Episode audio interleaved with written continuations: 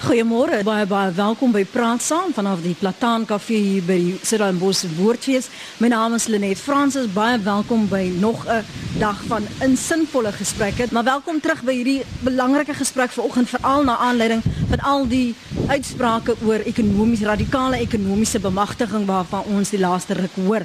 Kom ons praat inleidend oor wat dit impliseer, wat dit beteken en wat Afrika leiers of Afrika entrepreneurs die wêreld kan leer. Ek maak 'n iets wat van 'n aanpassing van wat geadverteer is. Uh, ons sou aanvanklik net fokus op watter lesse kan ons by Afrikaner entrepreneurs leer wat swart ekonomiese bemagtiging sal baat, maar ek dink ons moenie gesprek iets wat weier neem want die realiteit, die werklikheid in Suid-Afrika is veel meer. Die Suid-Afrikaanse Kommunistiese Party het president Jacob Zuma se radikale ekonomiese transformasie beskryf as niks anders as retoriek nie en dit bedoel is om elite verder te verryk. Die sekretaris-generaal van die eh, SAKP Blydse Mandi sê die term is presies dieselfde as die voortdurende verwysings na wit monopolie kapitaal. Tensy ons nie die swart meerderheid bemagtig, ten goeie bemagtig nie, kan ons nie praat van ekonomiese bemagtiging nie. So vanoggend kyk ons dus na wat is die lesse van die verlede wat ons hier in die hede sal baat. My gaste vanoggend is Dr Anton Eilers. Hy is by die geskiedenisdepartement by die Universiteit van Stellenbosch. Hy het navorsing gedoen oor ons onderwerp vanoggend en hy gaan dit met ons deel. David Skuman is direkteur by die Sentrum vir Entrepreneurskap, ISB, e opvoeding.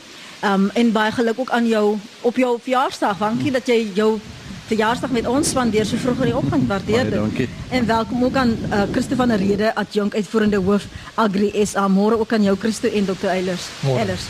Julle moet maar nader skuif dat ons maar warm en intiem in mekaar se oë kyk.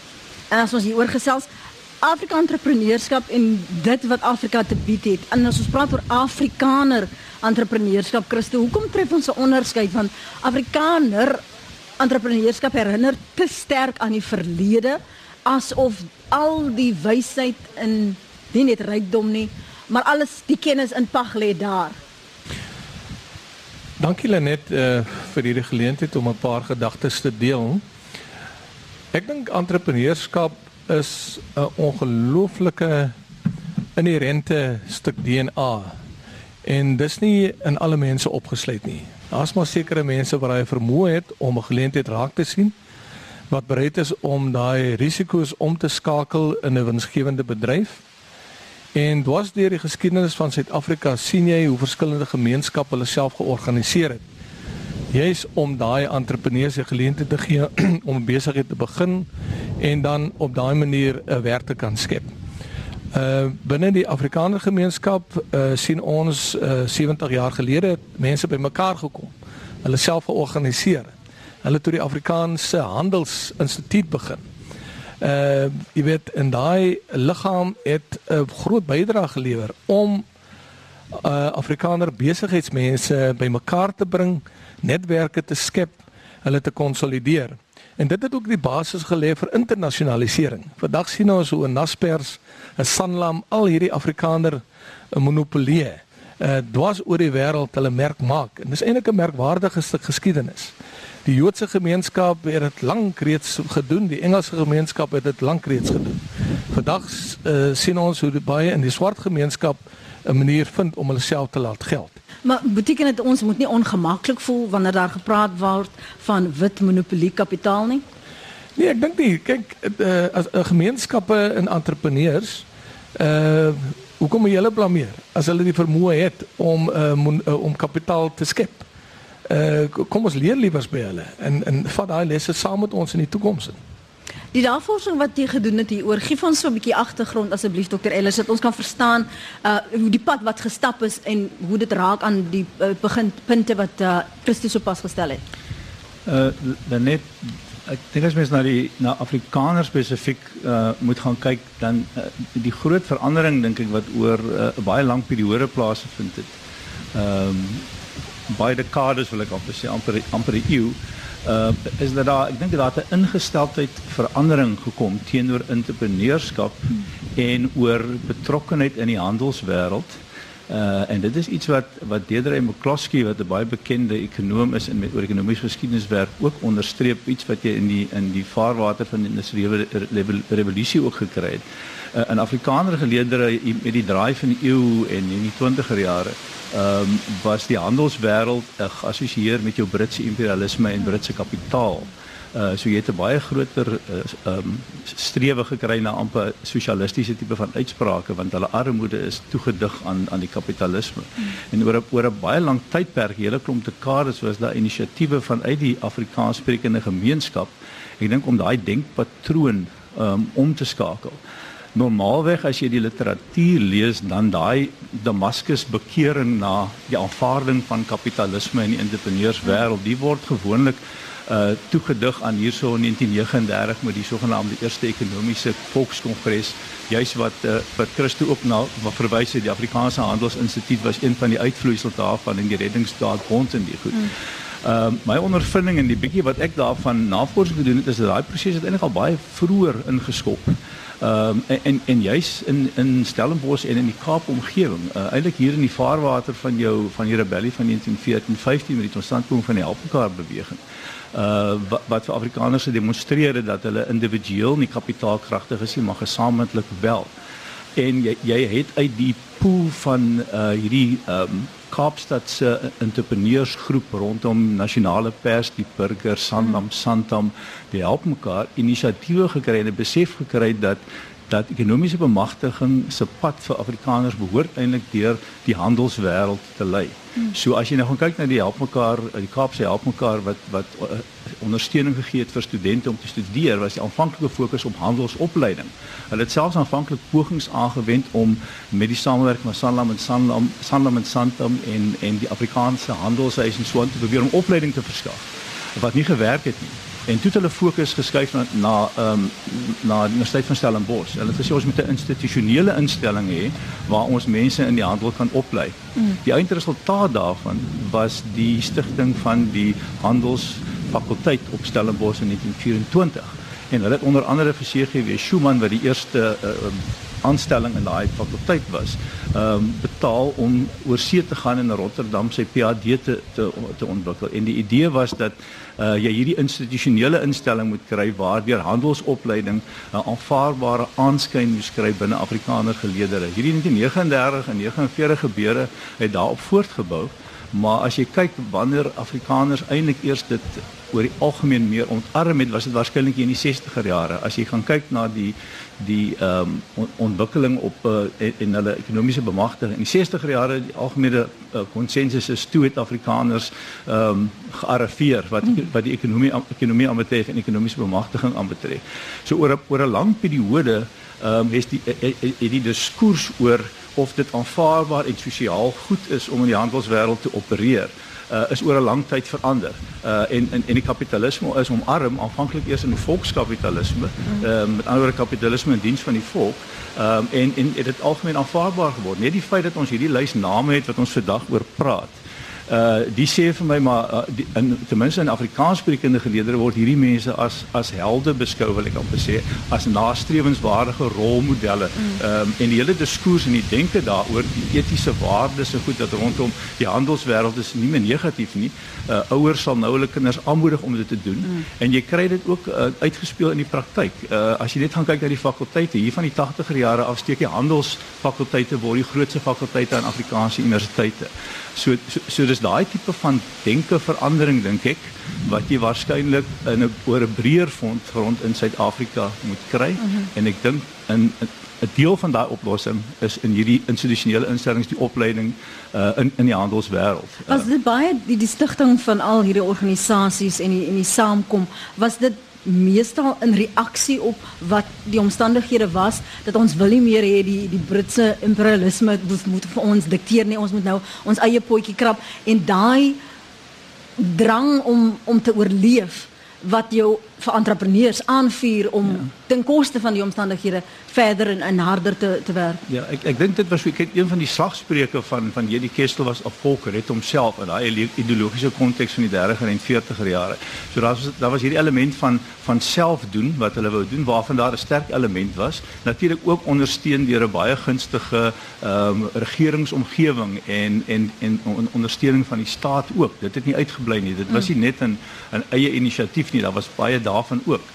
Uh maar hulle het ook in 'n gunstige omgewing gefunksioneer wat wat hierdie tipe inisiatiewe uh, ondersteun het. Uh en daar het daar het geleidelik um dan rolmodelle ook na vore gekom wat die produk hiervan is. Ek wil amper sê hierdie lys name wat ons hier het is eenval in hulle. As jy bietjie in die 60er jare kyk toe Afrikaners nou eintlik begin welgestel word en die verbruikerskultuur omarm het. Uh en dit is een entrepreneur wie se naam ek oral mis en niemand praat oor hom en dis Renier van Rooyen wat die stigter van van Pep Stores was. As jy in die deur die koerante blaai van daai tyd was van Rooyen was die die persoon wat omarm is deur die deur die Afrikaanse pers. Jy weet hulle het gepraat van die van Rooyen Express want Pep Stores het die een uh, besigheid na die ander een oorgeneem. Uh en dit is die basis waarop van hierdie ander name wat jy op jou lys is soos die soos soos Dr. Christo Wiese en en ehm um, Whitey Persone goed ehm um, se se sake ryke daarna voortgebring want hulle is almal produkte van daai van daai aanvanklike Pep Stores stigting. Uh en en hy is ek dink as rolmodel het hy byvoorbeeld in die 60er jare 'n belangrike rol gespeel om as 'n rolmodel vir ander Afrikaners te te om ook te sê kyk die sakewêreld is goed. Ons kan suksesvol wees. Ten spyte van die 1969 en instorting van die effekte beurs is hy braaf genoeg uh om in in 72 Pep stores op die op die op die JSE te te noteer.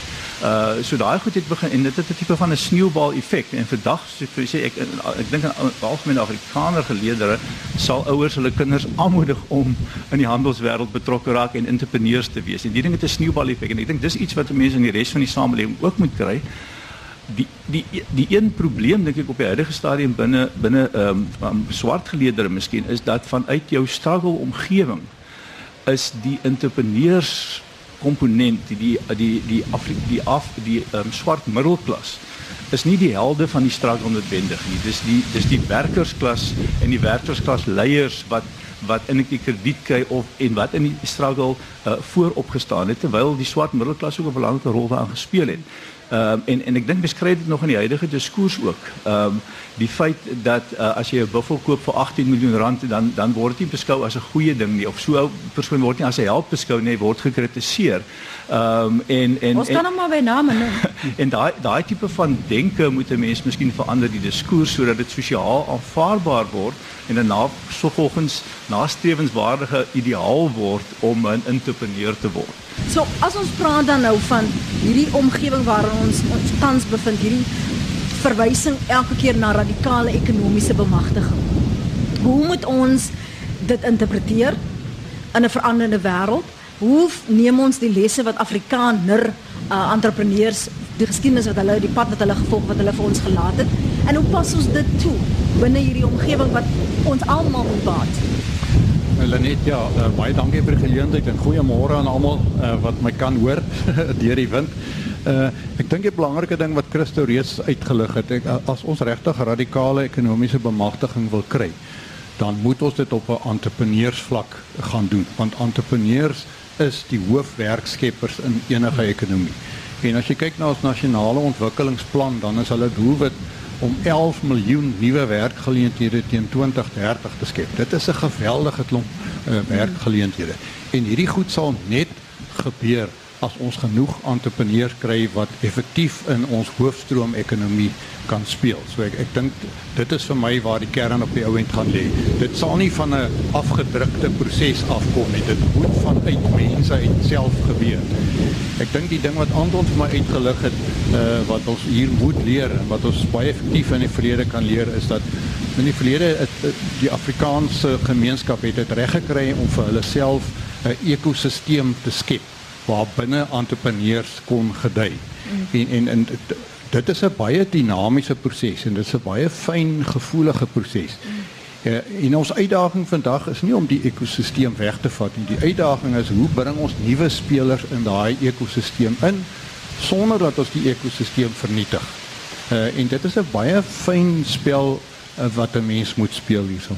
Met die die ekonomiese bemagtigingsplan die uh, die puntestelsel vir BEE. Het dit daardie inisiatiewe die die suiwer kom ons vind binne hierdie stelsel maniere om saam te werk. Het dit 'n bietjie gepootjie want dit mense meer begin fokus op om al hierdie punte en al hierdie boksies getik te kry sonder om te fokus op wat het ons by mekaar te leer en te leen. Absoluut. Ek dink dit skuif die fokus na in plaas van om my besigheid te bestuur, moet jy nou begin om allerlei maatreëls in plek te plaas net om te oorleef. En as 'n mens oorleef, groei jy nie regtig nie. So ja, mens verstaan waar die goed vandaan kom, maar mens moet dit in 'n fyn balans uh, gaan bestuur. En ek dink daar's regtig 'n groot gewilligheid onder die meeste van ons mense om te wil saamwerk, maar ons moet ook verstaan, geen een van hierdie groot sakemanne, ek noem hulle sommer hierdie super entrepreneurs in die verlede, het oornag sommer net skatryk geword. As jy na almal se geskiedenis gaan kyk, dit het ten spyte van daai stelsel wat hulle ondersteun het, dit het tyd gevat. Dit het harde werk gevat om daar te kom. En ons sal moet verstaan dit gaan weer harde werk en tyd kos. En daar is reeds so baie mooi goed. Ek dink Christo kan vir ons heelwat daarvan vertel wat reeds aan die gebeur is. Ons moet nou baie versigtig wees om hierdie ekosisteem so te versteur dat dit nader aan teenproduktief raak. Ek wil jou juis hier intrek Christo en vra uit jou ervaring in die verlede by jou betrokkeheid by die AHI hoe jy dit benader het om uh, gestel selfs binne die stelsel mense in te trek, te bemagtig sonder om hulle te laat voel uh ons word gebruik. Ek sê altyd 'n mens kan 'n perd tot by die water bring, maar jy kan hom nie maak drink nie. En dis die verskil tussen 'n entrepreneur en iemand wat aspireer om oornag ryk te word. uh, Entrepreneurs gryp geleenthede aan. Maar ek wil net aansluit by die hele ding van die ekosisteem. Ek sê altyd uh, dis baie maklik vir politici om te praat van radikale ekonomiese transformasie. Maar dit is 'n leë begrip, dis 'n eng begrip. Dit beteken absoluut niks. Ehm my my volgende vraag dan as iemand vir my sê ons moet 'n radikale ekonomiese transformasie teweegbring, dan sê ek goed. Wie is in beheer van die staatskas? Is dit wit monopolie kapitaal? Is dit 'n oppositieparty? Is dit 'n ander land? Nee. Dis die regering van die dag. Dis die ANC. Want dis dieselfde ANC wat vir ons te vertel het dat ons moet die ekonomie radikaal transformeer terwyl hulle moet die geldbeursie sit. Reg? Ons was verlede jaar vir 'n 6 maande periode betrokke by 'n proses wat ons om Pakisa. Aan die woorde, hoe bring ons grondhervorming teweeg op 'n volhoubare manier? Hoe bring ons ehm uh, jy weet ontwikkeling binne die landbousektor teweeg? En hoe sluit ons baie meer swart boere en bruin boere in die proses in? Maar wat sien ons? Uh, jy weet al hierdie programme word aan die einde van die dag uh jy weet uh dit is lyk goed op papier, maar as dit by implementering kom, as dit by die befondsing kom, dan gebeur daar niks. So wie is eintlik die grootste struikelblok in terme van radikale ekonomiese transformasie? Nie wit monopolie kapitaal nie, maar 'n onbeholpe regering en dit moet ons volgens van mekaar baie duidelik sê. Wat ons behoort te doen Lenet is eerstens om gemeenskappe te organiseer. Organisering, ekonomiese organisering lê die basis vir daai ekosisteem. Ons kom met 'n stuk geskiedenis van politieke organisering. En eh, en en 'n mens kan dit baie duidelik verstaan. Ons het teen 'n stelsel beklei wat ons jy weet teen ons gediskrimineer het op grond van ras of wat ook al. Gemeenskappe moet nou hulle self begin organiseer. Terwyl ek by die AI was, het ek baie klem gelê op gemeenskappe om hulle self bymekaar te bring jy weet korporasies te vorm uh of klein maatskappytjies te vorm. Hulle geld uh in een pot te sit. En as jy daai kapitaal begin opbou, dan stel dit jou in staat om eiendom te bekom of 'n klein besigheid te bekom. 'n Pragtige voorbeeld is die ATKV. Die ATKV het 'n ledebasis van amper 60000 mense. Elkeen van daai ouens betaal R100 per maand lidmaatskap geld Nou as jy die sommetjies begin maak, dan kyk jy reeds amper na 60 miljoen in meer per maand per per jaar. Nou met 60 miljoen per jaar kan jy dan 'n klomp goed begin doen. Maar jy kan dit net doen as gemeenskap hulle self ekonomies organiseer. En dan uh, uh, kyk na die stokvel. Binne die swart gemeenskap het jy ook 'n groot mate van ekonomiese selforganisering. Nou die stokvels Ons het uitgewerk, die goed genereer amper 40 miljard rand per jaar. Nou as jy daai geld begin gebruik en jy benut dit om maatskappye, grond of wat ook al aan te koop en jy begin die besigheid op 'n regte manier te bestuur en jy stel kundiges aan, dan kan jy 'n ver pad stap om jou gemeenskap ehm uh, jy weet in staat te stel om welvaart vir hulle self te skep, en nie afhanklik te wees van 'n staat wat uh, jy weet uh, hulle eie legitimiteit probeer regverdig deur alle uh, uh, retoriek soos radikale ekonomiese transformasie nie.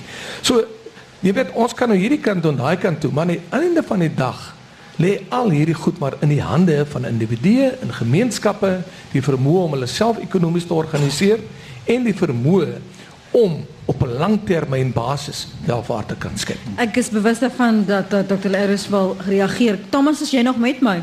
Ek is met julle net. Dankie vir jou geduld. Praat gerus. Baie dankie Lenet. Ehm um, Lenet voor ek op pad gemaak wil ek net sê ek het 15% vir wiskunde matriek gekry. Ag nee, matriek is van 7.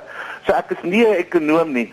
Maar die volgende punt sal ek baie graag wil maak en dit is dat ek dink in beginsel ek stem saam met, met wat Chris nou gesê het dat die onbeholpenheid van die regering om, jy weet, die hulle beleid toe te pas, maar ek dink in beginsel is hulle 100% op die regte spoor. Die regering moet inmeng in die ekonomie en betrokke wees aktief by die ekonomie waar nodig om mense te bemagtig.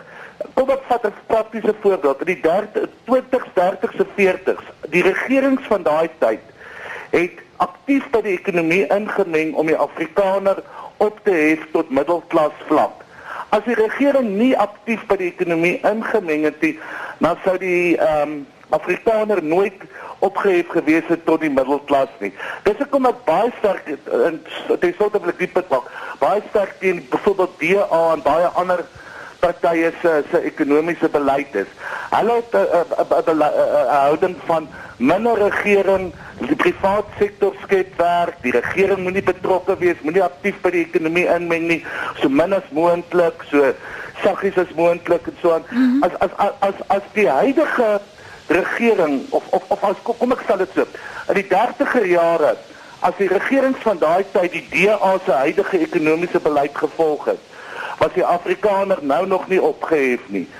En ek sê, sê dit wat net jammer is daai tyd is dat die tragedie was dat ehm um, mense van kleur is nie saamgevat op hierdie pad nie So dis maar net die punt wat ek moet maak. Baie dankie. Baie dankie vir jou geduld Thomas. Uh, AI beywer om vandag vir alle klein en medium monderings on ondernemings, ekskuus, uh, mense moet uitreik na hulle plaaslike sakekamers vir ondersteuning, skryf Kobus. Um, dan sê 'n nog 'n luisteraar, ek stem 100% saam met jou gaste, ons moet alle moontlikhede ontgin om welvaart te skep. Ons moet wegdoen met die gedagte van diegene wat sogenaamd meer reg is en diegene wat histories so afgryslik verkeerd was, skryf Pieter. En uh, ons gaan nou 'n ander uh, kommentaar lees as jy wil kan jy ook na gaan na rsg.co.za en daar vir my jou kommentaar plaas. Jammer dat ek jou laat wag het, Krenus. Dis uh, reg so net ek wil net net miskien die uh, radikale herverdeling, miskien moet jy net 'n paar syfers te antwoord probeer reg om te sien of dit of dit lewensvatbaar is. En as ek nou kan kan ploeg met een van my kollegas by die departement ekonomie professor Johan Fourie se se kalvers. Ehm um, hy het 'n berekening gaan doen soos wat Deidre McCloskey ook in Amerika onlangs gedoen het. Uh as jy nou ehm um, die herverdeling van rykdom gebruik as 'n manier om om ekonomiese groei aan te moedig. Hy het die top uh 6 biljoenêers in Suid-Afrika se totale bates gaan bereken. Dis Nikki Oppenheimer en Johan Rupert, Christo Wiese, Koos Becker die mense. Ehm um, en as jy daai uh, hulle totale bates vat en jy verdeel dit onder die totale Suid-Afrikaanse bevolking, dan gaan ons elkeen 5458 rand kry. Toe het hy verder gegaan en hy het gaan kyk na die 38500 um, dollar miljonêers in Suid-Afrika. En as jy nou van iemand kry om hulle bates te koop sodat jy dit kontant kan omsit en jy deel dit uit gelyk onder die bevolking dan gaan ons elkeen so 38282 rand kry. Die probleem is dit is 'n een eenmalige bedrag. En dan het jy al daai ander rykdom nou vernietig en wat daarmee saamgaan. Uh en dit gaan nie weer gebeur nie. Hulle gaan nie môre weer in die rykdom staan as jy luister, julle wil gaan nou maar weer ons rykdom vat nie. So dit dit wys vir jou uh, eintlik dit is nie dis nie haalbaar nie. Wat gaan ek doen met 38000 rand of met 5000 rand? Ek gaan nie vreeslik ver kom daarmee nie en jy gaan dan persone wat eintlik die werkskeppers is en ekonomiese groei stimuleer, het jy dan eintlik geëlimineer in die proses. Maar sommer net so 'n kwantitatiewe oefening teen. Net so vir 'n verwysing na wat Thomas gesê het en omdat jy nou die geskiedenis darm beter ken as meeste van ons. Was daar in in die geval van al hierdie afprotemense van na wie ons verwys het, ingryping van die regering se kant wanneer dit moeilik gegaan het om om om uh, hulp te gee. Ons het gesien byvoorbeeld 'n paar jaar gelede die Amerikaanse regering met hulle uh, verskillende pakkette toe hulle in 'n resessie was. Is dit wat destyds gebeur het en het 'n mens dan 'n verwagting dat jou regering een of ander tyd tog sal ingryp om te help? Uh dit dit hang af uh, daar was uh, professor Herman Gilumi het 'n uh, tyd terug 'n artikel in die verband geskryf waar hy juis gaan kyk het na die punt uh, hierdie die groot sakeondernemings, die bekende volkskasse in die Sanlams en die Sandhams ensovoorts, tot watter mate is hulle ondersteun deur Engelse uh, kapitaal uh, of Britse imperiale hmm. kapitaal en dan ook watter voordele hulle uit die regering getrek het. Nou as jy net na na daai mense gaan en dan jy net daarop gaan fokus, dan is die bevinding eintlik dat hulle nie uh, as gevolg van hulle etnisiteit, die feit dat hulle Afrikaners was, uh, uitermate bevoordeel bo ander mense nie. En hy het gaan kyk na onder andere goed soos dood eenvoudig die verkryging van staatskontrakte om goed soos telefoongidse te kan te kan uh, druk wat vir mense soos nasionale pers help. En daar was eintlik nie uh die bewyse wat daar is is dat dit dat dit nie uitermate bevoordeel is nie, maar mens kan nie wegkom van die feit dat die breë bemagtiging wat daar was, het wit mense oor die algemeen en Afrikaners waarskynlik nog meer 'n uh, bevoordeel. So mense wat uiteindelik hierdie besighede ondersteun het en wat die geld gehad het om hulle by hulle van hulle dienste gebruik te maak en hulle aandele te koop, mm. dis deur die staat bevoordeel op 'n verskeidenheid van ehm um, maniere deur die opheffingsmeganismes wat daar was. Uh so indirek het dit het daai staatsbevoordeling van die breë wat bevolking natuurlik ook die die ondernemings bevoordeel. Ehm um, so, so dit is dit dit is dis 'n dis 'n debat wat aangaan. Ehm um, ehm um, daar was besliste ondersteuning in sekere gevalle, maar ek is nie bewus byvoorbeeld van een geval waar een van daai ondernemings ondergegaan het en deur die staat ehm um, gehelp is om te herstel van van daai proses. Ons hou vas hier, julle moenie bekommerd wees nie. Die gaste sit nog. Oh, die wind het ons nog nie weggewaai nie. Ons ons klou, maar ons is daarom nog ywerig om saam te praat. Kom ons gaan gou vinnig na die lyne toe voordat ons weer met De Wet Skuman gesels. Uh, jo, Dr. Johan Lou, ek dink jy's nog met my, né, nee, môre? Môre Lenet. Dankie. Johan Lou hierso. Eh uh, Christo, môre De Wet, ons het al almal gesels. Ehm um, wonderlike geleentheid ook vanmôre om weer oor die hele kwessie van entrepreneurskap te gesels. Net dit is 'n uh, dis 'n groot ding dink ek om ehm, 'n um, bepaalde gesindheid te kweek by mense. Ehm um, ons het deur ons opleidingsprogramme nou al verskeie vir die laaste afgelope 10, 12 jaar ehm um, baie werk ingesit om 'n gesindheid by entrepreneurs te kweek. Ehm um, of by mense te kweek om entrepreneurs te wees. En die hele kwessie is dat jy kweek daai gesindheid deur opleiding. Ehm um, jy kry mense in 'n klaskamer en jy vat hulle deur prosesse waar jy 'n bepaalde gedagtegang of 'n mindset by hierdie mense kweek. En my hele punt is as jy 100 000 ouens oplei en net 30% van hulle kan suksesvol wees, mm. beteken dit jy het klaar 30 000 nuwe entrepreneurs wat jy in die mark stoot. Die ander 70%, 70 000 is nie gemors uh, geld gemors om hulle ook in in hulle te belê met hierdie opleiding nie want dit is ouens wat se gesindheid al klaar verander het. Hy gaan nie noodwendig 'n goeie entrepreneur wees nie, maar hy gaan vir entrepreneurs werk wat klaar die gesindheid het en die vaardigheid het om dit te kan doen. So jy kweek 'n bepaalde gesindheid deur jou opleiding. En ek dink dit is wat ons moet raak sien hierso. Ons kan nie wegdoen met kapitalistiese goeie kapitalistiese beginsels wat hierdie eeue gewerk het en ook vir die Afrikaner gewerk het om daai gesindheid te kweek en daai beginsels neer te lê nie. Mm -hmm. Maar daar moet definitief deel van hierdie proses moet dit ook gaan dat jy sosiale situasies en eh, sosiale probleme aanspreek. En dit is waar die behoeftes lê en dit is waar die geleenthede lê is om hierdie sosiale probleme aan te spreek deur jou opleiding. Nou die probleem is tans dink ek met die regering is hulle mindset is nie noodwendig kapitalisties entrepreneurs ingestel nie. Hulle kom uit 'n bepaalde denkstroom uit wat miskien meer sosialisties is en seker gevalle meer uh, kommunisties en dit op sigself oorsaak veroorsaak 'n probleem. So wanneer hulle praat van radikale ekonomiese transformasie, dan weet ons eerstens nie presies wat hulle bedoel nie Ehm um, as ons kyk na die EFF, dan gaan dit oor grype, vergrype. Ons weet dit is nie 'n oplossing nie. Mense wanneer hulle met passie en met sweet aan 'n ding werk, waardeer so iets en dan wil hy dit laat ehm um, dat uh, dat daar uh, uh dat dit voortgaan. Met ander woorde, ons praat van sustainability in hierdie uh, in hierdie uh omgewing en hy pas dit op. En omdat hy dit oppas en 'n passie het daarvoor en 'n hart daarvoor het en hard gewerk het daarvoor, gaan dit volhoubaar wees. Ek gaan dit ongelukkig daar eers vir nou moet laat Dr. Lou. Baie dankie vir jou oproep. Waardeer dit ook jou insette. Ek het 'n aantekeninge gemaak Dr. Skuman wat wat gebeur Dr. Skuman vergewe my te wet voor jy my weer aanspreek dat ek jou promoveer. As ons praat oor jy het nou gehoor wat ons luisteraars sê. Hoe benader julle in die besigheidskulinarie omgewing waar daardie entrepreneurs sit en besef Hulle moet binne hierdie Suid-Afrikaanse milieu met 'n SEB program moet hulle laat werk. Hoe benader julle die kwessie in in daardie program by die bestuurskool?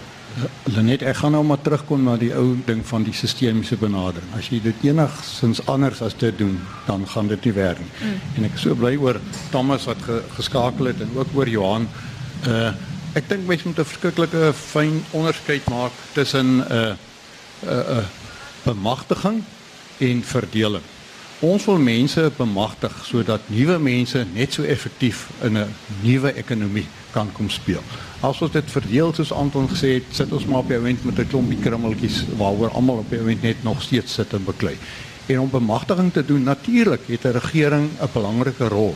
Maar die regering het 'n baie spesifieke rol en waaroor ek net vinnig iets wil sê en dan het die sake sektor ook 'n baie spesifieke rol. Regering se hoofrol gaan oor goeie basiese opvoeding en opleiding. Want jy kan nie 'n ekonomie dryf uh met met mense wat nie kennis het van hoe ekonomie werk en allerlei forme van kennis. Die vraag is hoe lyk ons mense se kennis en veral tegniese en praktiese kennis en vaardighede? Want vir 'n entrepreneur om 'n besigheid te begin, het jy goeie werkers nodig. Ek hoor so baie dat entrepreneurs sê maar gee net vir my die mense wat vir my die werk ordentlik kan doen, dan sal ek groter besighede bou. So dit is die rol van die regering en daai entrepreneursiese denke wat aan uh, uh, Johan nou net van gepraat het. Die goed kom deur langtermyn opleidingsprosesse. Dit gebeur nie uh, sommer net oornag nie. En natuurlik infrastruktuur en veral die bekamping van of eintlik ek wil eerder die woord uitroei van misdaad. Weet julle dit is so moeilik vir 'n klein besigheid om aan die gang te kom as jy meer geld moet spandeer om jou plek te omheind en wagte aan te stel en al hierdie goeder te beskerm dat jy nader nie geld het om in die besigheid self te belê. Dit is die tipe goeder waar 'n regering, hulle moet daai speelveld gaan skep. As ons kom by die by die besigheidswêreld dan is die rol van die besigheidswêreld is juis om geleenthede vir mense te skep. Dit was die suksesverhaal van die Japannese ekonomie na die Tweede Wêreldoorlog. Hulle het 'n sogenaamde, ek gaan nou die Engels gebruik, 'n dual logic, 'n dubbel logiese ekonomiese stelsel gevolg waar jy jou groot ekonomiese spelers gehad het, maar hulle het vir die klein sake uh, mense geleentheid gebied om aan hulle goeder te verskaf. En ons sit met die ideale geleentheid in Suid-Afrika. Ons sit met hierdie groot entrepreneurs in ons land. Hulle is daar. Ons moet hulle net kry en ons moet 'n stelsel skep dat hulle jou klein sake kan begin intrek en hulle deel maak van die hoofstroom sodat die klein sake nie ook maar hier op hulle eie uh, moet beklei. So so die die bestaande stelsels moet ons verfyn sodat daar aanpassings om en, en en te akkommodeer sonder om die baba met die badwater dan uit te gooi. Ja, verfyn en verbreed. Ons ons moet hom verbreed. Ons ons besef dit almal. Maar jy of maar as jy hom net wil vervang met iets anderster, dan dan vernietig jy eintlik weer in die proses. Is dit 'n spontane ding wat gebeur binne die private sektor byvoorbeeld? Ehm um, sien jy dat dit is 'n vernuwing wat plaasvind sonder dat jy hierdie dreigemente die hele tyd van die regering kry as jy dit nie doen nie, gaan ons dit en dit moet uh, laat geskied. Miskien byvoorbeeld na die ingryping in rugby byvoorbeeld waar daar die hele tyd gepraat word van ons moet transformeer, ons moet transformeer en dan aan die einde van die dag omdat dit nie spontaan en bereidwilligheid gevra het nie, is daar inmenging. Lenet dit is 'n bietjie van al twee. Uh, ek dink mense moet bietjie kyk na die die dinamika van die bestuur van verandering. Mense moet ook verstaan uh, mense verander moeilik. Mense wat in 'n spesifieke posisie is, uh, is maar geneig om vas te hou aan wat hulle het. So alle verandering begin by 'n bewusmaking van die belangrikheid en die nodigheid van verandering. Mm. En ja, soms moet jy mense maar 'n bietjie uit hulle gemaksones uitdruk. Dit dit, dit is heeltemal reg. Uh maar daarna moet daar 'n baie effektiewe bestuursproses kom want in daai onsekerheid moet jy 'n nuwe visie skep. Want mense gaan nie verander as hulle nie sien dat die verandering na iets beters toe gaan lei. Dit is die een kant van die saak. Met ander woorde, ons sit hier met mense kom ons noem hulle nou maar die voorheen bevoordeeldes wat wat wat ek dink die groot meerderheid besef ons kan nie so aangaan nie ons moet verander. Maar ons weet ook maar nie elke dag hoe nie en help ons net dat dit 'n sinvolle verandering aan die ander kant sit jy nou met die voorheen benadeeldes en daar is iets wat mens baie effektief moet bestuur en dit is die verwagtinge ja. wat jy by hierdie mense skep. As jy onrealistiese verwagtinge by hulle gaan skep skep jy eintlik 'n resep vir chaos. Hulle moet ook verstaan dat verandering gaan tyd vat. Uh, en mense verstaan die frustrasie. Maar as as hierdie hele proses van bestuur van verandering nie op 'n baie verantwoordelike en 'n netjiese manier gedoen gaan word nie, dan vernietig jy op die ou end eintlik meer as wat jy bereik het. En net ek wil miskien net op die wet se se opleidings waar ook klim en ek het nou al net ook gesê hierdie institusionele instellings soos soos jou handelsfakulteite en goed. Ek dink daar bestaan 'n uh, miskien 'n wanpersepsie dat baie van jou groot entrepreneurs is ou mense wat nie hulle universiteitsopleiding klaar gemaak het. Hulle verwys altyd na Bill Gates of Steve Jobs. Ehm um, en en en asof jy sonder opleiding dan nou so groot so groot sukses kan maak. Uh, maar ek dink as mense gaan kyk na die algemene en hierdie deursnit en die name wat ons byvoorbeeld hier gehad het van Afrikaner en dit is almal mense wat deur 'n universiteitsstelsel gekom het. Uh so daai opleiding is is baie nodig en daar daar is ook um, ander onmeetbare uh in uh voordele wat daar uit voortspruit. Dis 'n hele kwessie van netwerke en in enige enige sakeomgewing is netwerke van kardinale belang. Ek dink jy kan al daai lys name gaan vat en dan kan gaan jy kan jy gaan kyk wie is op die oomblik hulle mede-entrepreneurs en hulle besighede en dan sal hulle dan sal jy dit van terug verwys na hulle universiteitsdae uh wat wat wat self strook met wat in die middeleeue en die goldestelsels gebeur het waar jou meeste sosiale kapitaal geskep is wat die langdurigste gehou het was tydens daai vakleerlingskappe van daai van daai um, opgeleides en en dit is stem ooreen met wat in universiteite gebeur. Hulle is of almal Simonsbergers of hulle is almal Wilgenoffers of hulle het op een of ander manier in hulle studente lewe het hulle daai netwerke uh, uh, gevind. Mm. Miskien miskien het hulle mekaar van tollies af opgedra een dag hierso um, en terug na die kursus toe so hulle leer om mekaar te vertrou en 'n vertroue in mekaar te hê en in die sakewêreld is dit van deurslaggewende belang. So daar's ander byvoordele en mense moet daai opleiding breër kan versprei so hoe meer mense deur daai stelsel kom en daai opleiding kry hoe groter is jou kans dat hulle uiteindelik as entrepreneurs aan die kant gaan uitkom. Dit net die private sektor doen reeds verskriklik baie om entrepreneurs op te lei. Ek het 'n opname nou in die landbou gedoen. Graan SA byvoorbeeld het so wat uh 6000 klein boere wat almal graan lewer aan aan die aan die waardeketting. Die wolboere het ook in die omgewing van 6 tot 7000 wolboere in die Ooskaap wat wol lewer. En dit is ongelooflik om te sien uh wat dit vir daai watter ekonomiese vooruitgang dit beteken vir daai klein wolboere. Ja. Wol kry tans 'n baie goeie prys op die internasionale mark. En uh, as jy na die studie gaan kyk, dan sê jy sien dat skielik kan hierdie wolboere nou 'n bakkie bekostig uh of 'n kar. Hulle kan hulle kinders skool toe stuur, daar's meer kos in die huis. Dit het 'n oorspoel effek wat skrik vir niks. Wat is ons groot probleem? Ons sit met 'n regering wat geld links en regs uitdeel aan massas mense, groepe mense uh wat op grond gesit word. Uh 2 maande, 3 maande later plof die hele stelsel in daar gebeur niks op die grond nie. Die werkers verloor hulle werk en hierdie groep mense beklei dan onder mekaar. Die mees tragiese voorbeelde is hier in die Rigtersveld en 'n hele klomp ander uh plekke waar grond oorgedra is aan gemeenskappe. Wat ons sê is, daar is die breinboere, daar is die swart boere. Hulle wil kommersieel vooruitgaan. Kom ons begin met 'n gefokusde tekenaksie. As hulle net die potensiaal het hulle net is op 'n stuk grond en sy is gedissiplineerd en sy weet wat sy doen. Kom ons begin hulle net deur 'n A tot Z proses neem. En jy los dit daai persoon na 'n dag se werkswinkel. Jy staan daai persoon by oor 'n periode van 5, 6 jaar en jy lê 'n sterk basis. Ons groot uitdaging in Suid-Afrika is hierdie haalgeweer benadering. In plaas dat ons baie meer geteken optree Want dis die enigste manier hoe jy entrepreneurs vorentoe kan vat. Anoniem skryf hier, radikale ekonomiese transformasie is vir my is wanneer die gewone burger nie meer afhanklik is van die regering nie. Die eerste ding wat burgers behoort te doen is om hulle eie elektrisiteitsnetwerk te skep deur sonpanele op hulle eie dakke te sit. Party daar in Duitsland is daar 'n oorvloed krag en burgers moet dan aangemoedig word om meer krag te verbruik. In Suid-Afrika het ons baie meer son en ons behoort ook 'n oorvloed te kan skep. Die Vryheidsmanifest maak voorsiening vir gratis krag. Dit is heel moontlik met sonkrag. Elektriese motors is die toekoms. As mense gratis krag het, dink hoe kan die ekonomie groei indien mense nie vir krag hoef te betaal nie. En Karel van Wyk, waar is dit? Ehm um, Sikkensat en Karel, ek sal jou eers nou gou hier moet 'n woord uithaal want ons sit met uh, hoërskoolkinders in die gehoor en ek wil hê hulle moet die taal gebruik uit my mond uit hoorie.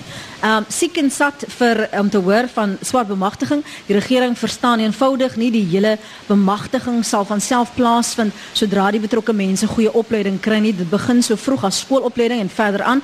Dit lyk nie asof die ANC dit verstaan nie. Gister met 'n meisie in graad 7 gepraat. Hy kwalifiseer haar kleur. Jy kan so duidelik sien sy het al reeds haar versier op haar loopbaan. Weet sy wat sy wil hê? Sy sal sukses behaal met of sonder swart bemagtiging want sy wil dit leer. En sommer net ook welkom heet aan uh, skoolkinders. Ek dink dis hoërskool Stellenbosch dat hier sit. Baie dankie vir julle bereidwilligheid om julle tyd hier by ons te kom spandeer. Ons waardeer dit. Ehm um, so as ons opsom oor die toekoms vorentoe binne gegee hierdie radikale ekonomiese transformasie wat moet plaasvind. Christo het gepraat van 'n gefokusde teikenarea. Ons het gepraat van opleiding, regering se betrokkenheid wat belangrik is, gemeenskappe wat moet leer om hulle self te uh mobiliseer en dat ons binne hierdie bestaande stelsel ekosisteem moet werk. So wat en hoe en wat sê ons vir die jong mense wat hier sit vanoggend oor die pad vorentoe vir entrepreneurs en dan spesifiek vir swart ekonomiese bemagtiging sodat ons almal in die welvaart van ons land kan deel. Jo, Lenet, daar's baie goed, maar ek dink die belangrikste ding wat ek vir jong mense kan sê is ontwikkel jou entrepreneuriese denke.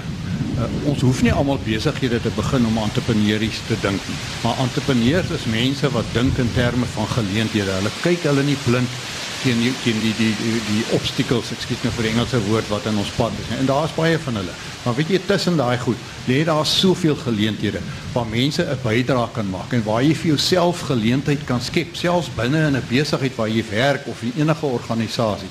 Dit is ons belangrike ding en ek wil net weer die laaste ding wat wat Christen nou weer hierdie voorbeelde wat hy genoem het is is die ongelooflike belangrike rol van mentorskap. Dit kom maar weer terug aan ons het soveel kundigheid in hierdie land wat ons kan deel met mense wat bemagtig moet word. Ons moet meer daarby intap en die gewilligheid is daar om dit te doen. Dankie vir jou bydrae tot Wetskuman, Dr. Ellis. Uh, ek kan mens net inkom by mentorskap as ons weer eens teruggaan na ons voorbeelde as jy met Janie Maton praat sal hy vir jou vertel hoe hy na die aandelepryse geluister het vir sy pa op die radio as hy dit nie kon doen nie. So hy het 'n voorbeeld in 'n sakeman in sy eie klein omgewing gehad en waarskynlik bygedra daartoe. Ek dink die punt wat ons uiteindelik moet bereik Lenet is dat dat ons met 'n ons met 'n nuwe etiek ehm um, vestig in opsigte van entrepreneurskap waar ons vir die Patrice Motsepe en vir die Janie Mares standbeelde op die plein oprig en nie 'n brandende binnewand daar gaan neersit om van hulle ontslae te raak nie. As ons as ons daai punt bereik, uh, dan gaan ons waarskynlik die ekonomiese probleme meer effektief kan kan aanspreek en ekonomiese groei kan stimuleer. Want dis wat ons in wese het. Ekonomiese groei is die enigste is die kern kern ding wat mens hier moet stimuleer. Die stem van Dr. Anton Ellers daar en laastens Christo van der Rede. Net ek dink ons moet 'n totale kultuurverandering in Suid-Afrika ondergaan. Weg van uh welsyn welsynsbenadering na 'n welvaartskepende benadering. As jy ons hele land se begroting, die nasionale begroting gaan ontleed, 70% van ons nasionale begroting word aangewend vir welsynsdoeleindes. En daar's geen wat ons in Engels sê return on that investment nie. Nee, ons gee maandeliks gee ons vir 17 miljoen mense nee, 'n welsynstoelaag. Uh maar maar dra hierdie mense enigstens enigiets produktief by? Tot die skep van welvaart in die land.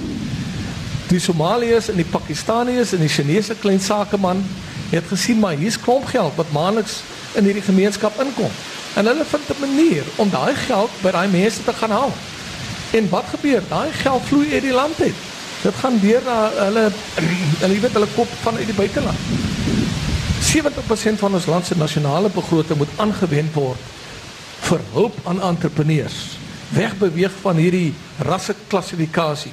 Kom ons begin fokus op die mees talentvolles of hulle nou wit, pink, bruin of swart is. En ons gee hulle die nodige ondersteuning. Daardie Wêreldbank het nou aanbeveel ons moet meer uh, belasting uh, insentiewe deur gee na die uh, vervaardigingssektor en na die landbousektor want dis ook waar die meeste werk geskep kan word. Ons is 'n land wat geseënd is met allerlei hulpbronne. Maar wat doen ons? Ons stuur die steenkool in skipsvragte uit na China toe. Ons skep ons uh, voer ysterers uit na China toe en wat gebeur? Dit kom terug as 'n motorkar of wat ook al. Ons moet baie meer waarde ontsluit met ons primêre hulpbronne, maar ons moet mense insentiviseer. Ons moet hulle aanmoedig om meer te investeer en ophou om mense pak te gee. Hou liewer die wortel voor hulle neus in plaas laat ons die stok uithaal en hulle voortdurend slaan. Dan sal ons 'n baie beter toekoms vir al ons mense kan skep. Die stem van Christo van der Rede, ons ander gaste vanoggend, De Wet Skuman, direkteur by Sentrum vir Entrepreneurskap USB, het en Christo van der Rede natuurlik adjunk uitvoerende hoof by Agri SA. Dr Anton Ellers is by die en die Universiteit van Stellenbosch se navorsing wat hy met ons vanoggend gedeel het. En ons ander gas met wie ons vanmôre moes klaarkom is uh, juffrou Seys Oosterwind. Baie dankie vir julle uh, deelname aan ons program. Baie dankie ook aan USB Bestuursontwikkeling vir die uh, borgskap van ons gespreksreeks hier by die Plataan Kafee by die Universiteit van Stellenbosch. Ek is môreoggend terug weer hier met jou uh, vanaf die verhoog. Ek hoop jy sal weer dan by my aansluit. Lekker dag verder.